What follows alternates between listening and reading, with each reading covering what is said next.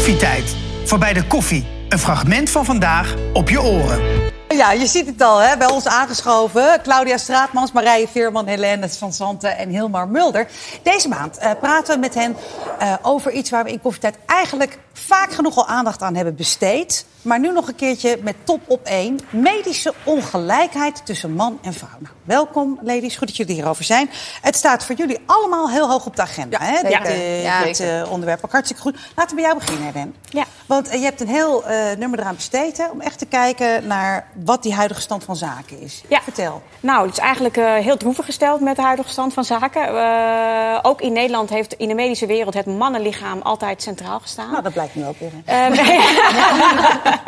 nou ja, met alle gevolgen van dien. Hè. Dus als een, als een vrouw medicatie krijgt voorgeschreven. Geschreven is dat medicatie die getest is op een mannenlichaam en niet op haar lichaam. Dus vrouwen hebben vaker last van bijwerken, bijwerkingen. eh, belanden ook vaker sneller in het ziekenhuis. eh, ja, eh, onder andere daardoor. Dus we hebben met Margriet ja, de afgelopen vier weken hebben we elke week een dossier gewijd aan medische ongelijkheid. En deze week gaat het dossier over onverklaarde klachten. Ehm, want als een vrouw bij de dokter komt met dezelfde klacht als een man, heeft zij 6% minder kans op een diagnose. Zo, dat is En behoorlijk. Dat is ook behoorlijk, ja. Dat is best Ja. een, een, een, bizar verschil eigenlijk natuurlijk. En het is zelfs zo dat bij een eh driekwart van de patiënten met onverklaarde klachten is een vrouw. En ehm, bij vrouwen wordt er dus sneller gedacht aan psychosociale. Ach, het zit een beetje in je hoofdje. Veel stress. Je maakt je te druk. Ja, maak je, dat wordt vrouwen veel. sneller gezegd. Doe Ja, maar eens ik- rustig aan, mevrouwtje. Precies. Dat. Ik merk ook altijd, al, eh, altijd als ik bij een arts kom, er komt altijd een moment waarop de vraag komt: wat doet u eigenlijk voor werk, mevrouw? Nou, ik ben hoofdredacteur van een, eh, een tijdschrift. Oh, en u heeft ook twee kleine kinderen. Dat is vast wel heel druk, hè? Oh, wat erg. En dan denk ik, ja, en dan denk ik altijd. de vraag prima. Het is maar natuurlijk met de ook zo. conclusie erbij. U heeft het vast heel U druk. heeft het vast heel dat zou een vraag moeten zijn. En dan denk ik, nou, dan zou je, zou je die vraag ook aan mij stellen als ik een man was. Ja, precies. Denk Maar- ik dan. maar je toch dat is er van- gevraagd? Nee, dat heb ik nog nooit gevraagd. Dat moet ik echt volgende keer doen. Ja, ja, is waar. Zeker. Ja. Maar toch komt er vanuit de maatschappij meer op, komt, wordt meer opgeroepen van dat er meer onderzoek moet komen naar het vrouwenlichaam. Waarom Exact. komt dat toch zo'n beetje traag op gang? Dat komt heel traag op gang, omdat het ook natuurlijk een geldkwestie is. Maar ik moet zeggen, dus er zijn nu natuurlijk wel gelukkig heel veel initiatieven eh, een in, in de geldkwestie, maatschappij. heel eerlijk? Wat- wat- Eh, nou, er moet, er moet natuurlijk vanuit het ministerie en, en vanuit de, de top eh, in de ziekenhuizen... die bepalen waar eh, onderzoek bijvoorbeeld naar... En de farmaceutische wordt gedaan. industrie. Farmaceutische industrie, absoluut. absoluut. Er zijn gelukkig wel heel veel initiatieven nu. Dus heel veel mensen zijn daar nu echt wel mee bezig. Onder andere meer, eh eh, Mirjam Kaaier. eh, met haar Voices for Women. Mhm. Zij is een vrouw die zich echt inzet om dit te gaan veranderen. Ze heeft onlangs een petitie gestart en heeft ze 57.000 handtekeningen opgehaald. Overhandigd aan onze minister van Volksgezondheid. Ja. Eh, en daarmee heeft ze, ja, het was een, een, een petitie om echt meer onderzoek naar het, het vrouwenlichaam. Dat er meer budget voor moet komen. Ik zou denken vanuit de farmaceutische industrie qua marketing. Je hebt gewoon een niche. Je, je loopt voor als je zo meteen iets hebt voor wat voor vrouwen goed werkt. Nou ja, en het is de helft van je, van je bevolking. Hè? Ja, dus eh, de mensen, ja, het is Daarom. een gat in de markt, zou je zeggen. Ja, maar jij hebt ook eh, goed zicht eh, op onze generatie. Hè? Ja, Daar hoor jij natuurlijk als, dat krijg jij mee. Nou ja, die, de- die- ik herken me heel erg in wat eh, Helene vertelt. Want eh, ja, de medische wereld ha- staarde zich heel lang eh, blind op wat je noemt de bikini-visie. Eh, dat eh, het enige verschil wat ze zagen tussen man en vrouw waren de geslachtsorganen. Ja. En dat is niet zo, want vrouwen hebben ook hormonen, vrouwen hebben een ander vetpercentage, vrouwen zijn vaak kleiner. En dat heeft allemaal effect op die onderzoeken die worden gedaan. En het is ook gewoon, er zijn grote onderzoeken geweest dat ook vrouwen bijvoorbeeld gebaat zijn bij het hebben van een arts die vrouw is. Er was ooit een heel groot onderzoek van Harvard waaruit bleek dat vrouwen in Amerika, hè, eh, Ja. let wel, eh, kans hadden om eerder te overlijden als ze door een mannelijke arts werden geholpen op die operatietafel. Kijk. Nou, blijkt dat in Nederland is er ook een onderzoek geweest eh, op, het, op het hartgebied. En dus gelukkig bij ons is dat niet het geval. Maar het verschil tussen mannelijke en vrouwelijke artsen en ook huisartsen is wel een ding.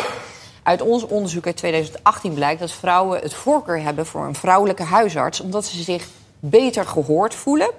En ook omdat ze ehm, ja, allerlei kwesties waarbij schaamte een rol speelt. Of het dan gaat om urineverlies, gynaecologische kwesties, eh, eh, misbruik, ehm, eh, pijn bij het vrijen. Dat zijn allemaal onderwerpen die ze gewoon makkelijker vinden om met een vrouw over te hebben. Ja, ja, ja, en gelukkig, ehm, in de jaren zeventig was slechts 5% van de huisartsen was vrouw. Uh, uh, we hadden bijvoorbeeld ooit in het blad van uh, Lagro Jansen. Die was een van de eerste huisartsen in Nijmegen. En daar al die vrouwen in Nijmegen die hadden zoiets van... oh, daar moeten we heen. En tegenwoordig zijn 60% van de huisartsen vrouw. Ja, nou, dat is natuurlijk dat is wel, weer... dat helpt wel in de herkenning van de klachten in de Ja. eerste lijns gezondheidszorg. Ja, precies, ja. Claudia, eh, eh, herkenning? Ja, herkenning Ook bij, bij mijzelf, bij mijn lezeressen, eh, Ja. 50 plus. Veel eh, in de overgang of net door de overgang heen. Eh, wat Hilma ook zegt, gynaecologische kwesties. Om met een gynaecolo- gynaecologische kwestie naar een huisarts te gaan... zorgt toch vaak ook voor mijn generatie voor schaamte. Dus daarom is het heel fijn als je een vrouwelijke huisarts tegenover je hebt zitten... die wat meer aan de erkenning en herkenning doet. Wil ik niet zeggen dat mannelijke huisartsen dat niet kunnen... maar het is ook vaak een gevoelskwestie. Ja. En, eh, Ik kan wij me wel krijgen... voorstellen, er zijn natuurlijk Ja. ook mannen die liever niet voor een, een, een geslachtskwestie naar een vrouwelijke huis. Nou, andersom, inderdaad, wat jij oh. zegt, per Ja. heel. Maar wij krijgen inderdaad van onze lezeressen terug... dat ze zich toch vaak graag gezien voelen Ja, worden ja, door ja. een vrouw. Ja.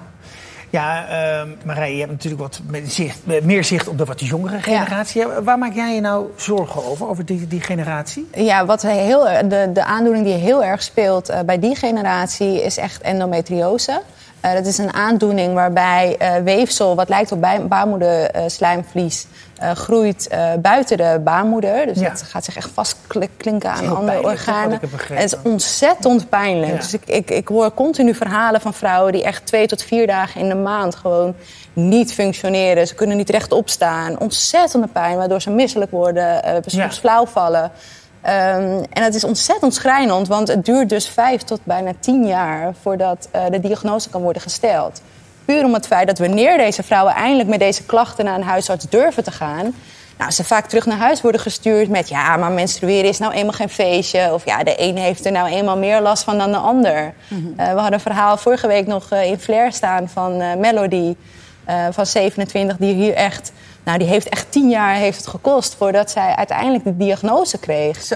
En het schrijnende is, is dat ze dan zelfs blij zijn, terwijl de aandoening echt, nou, is echt geen pretje. Nee. Nee. En Maar is om eindelijk gehoord te voelen. Ja, en is het ook een beetje snel opgelost? Of Nee. met medicatie of dat niet? Want Nee, het behandelplan. En dan? Ja, en dan. Nou ja, meestal is het dan al zo ver gewoekerd dat behandeling echt heel moeilijk is.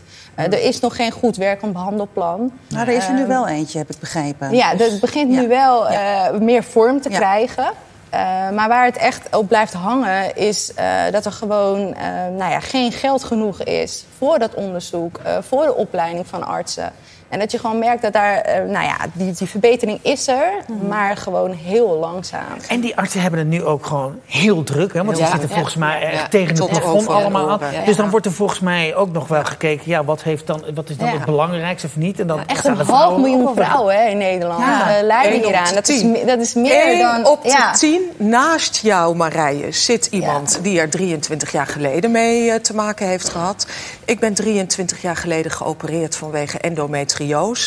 Maar om tot die operatie te komen was een lange weg, een lang proces. Ja. Ik ging echt met gigantische menstruele klachten naar mijn mannelijke huisarts. En zijn woorden waren: Ik zei, volgens mij is het endometriose. En hij zei: Dat heeft u vast in de libellen gelezen.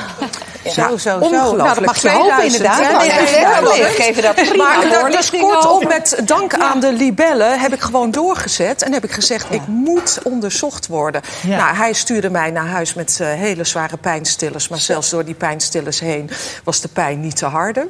En toen kreeg ik het grote geluk van een vervanger. Omdat de huisarts, eh, mijn eigen huisarts, op vakantie was. Er was een andere huisarts en die zei... u moet onmiddellijk gezien worden. Maar dit is toch wel... Ja. Kijk, Claudia, jij bent iemand die... Wij kennen jou als mondig en intelligent en... eh, Nou, ga door. Ja, ja, is toch zo, hè? Ik bedoel, je hebt zelfs het empathisch vermogen... Om die, om, die, om die dokter vriendelijk onder de tafel te praten. Toch heeft het 23 jaar Ja. geduurd.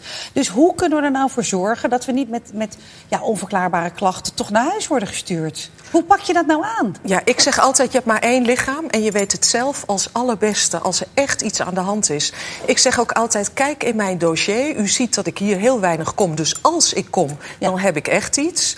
En daarnaast, eh, inderdaad, eh, heb je ook, hebben wij ook gewoon allemaal onze trucjes. Tenminste, ik heb mijn trucje ondertussen. En dat is? Eh, nou, ik zit toevallig bij een huisartsenpraktijk... waar op één, dag in de één dag in de week een vrouw zit. En als ik bel om voor een afspraak... dan Oké. Zorg ik dat ik op die ene dag word ingedeeld. Ja, maar, maar heel van de even, vrouw. hè, even, Ja. even, even breed aan tafel. Ja.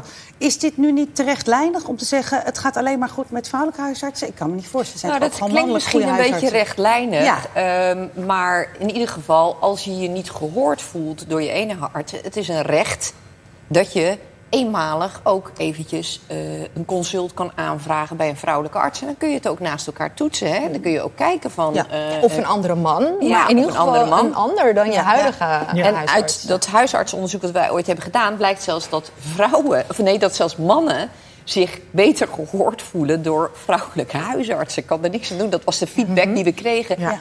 En dat komt waarschijnlijk, dat is natuurlijk geen wetenschappelijke uitspraak van me, maar dat die nemen meer de tijd. Die, eh, en ik denk dat mannen ook weer zichzelf weer beter durven te laten zien en niet stoer gaan doen van man tot man. Ja. En dus ook hun klachten beter op tafel leggen. Dus jullie hebben ook allemaal een vrouwelijke arts? Ik heb een vrouwelijke Ja? huisarts. Ja.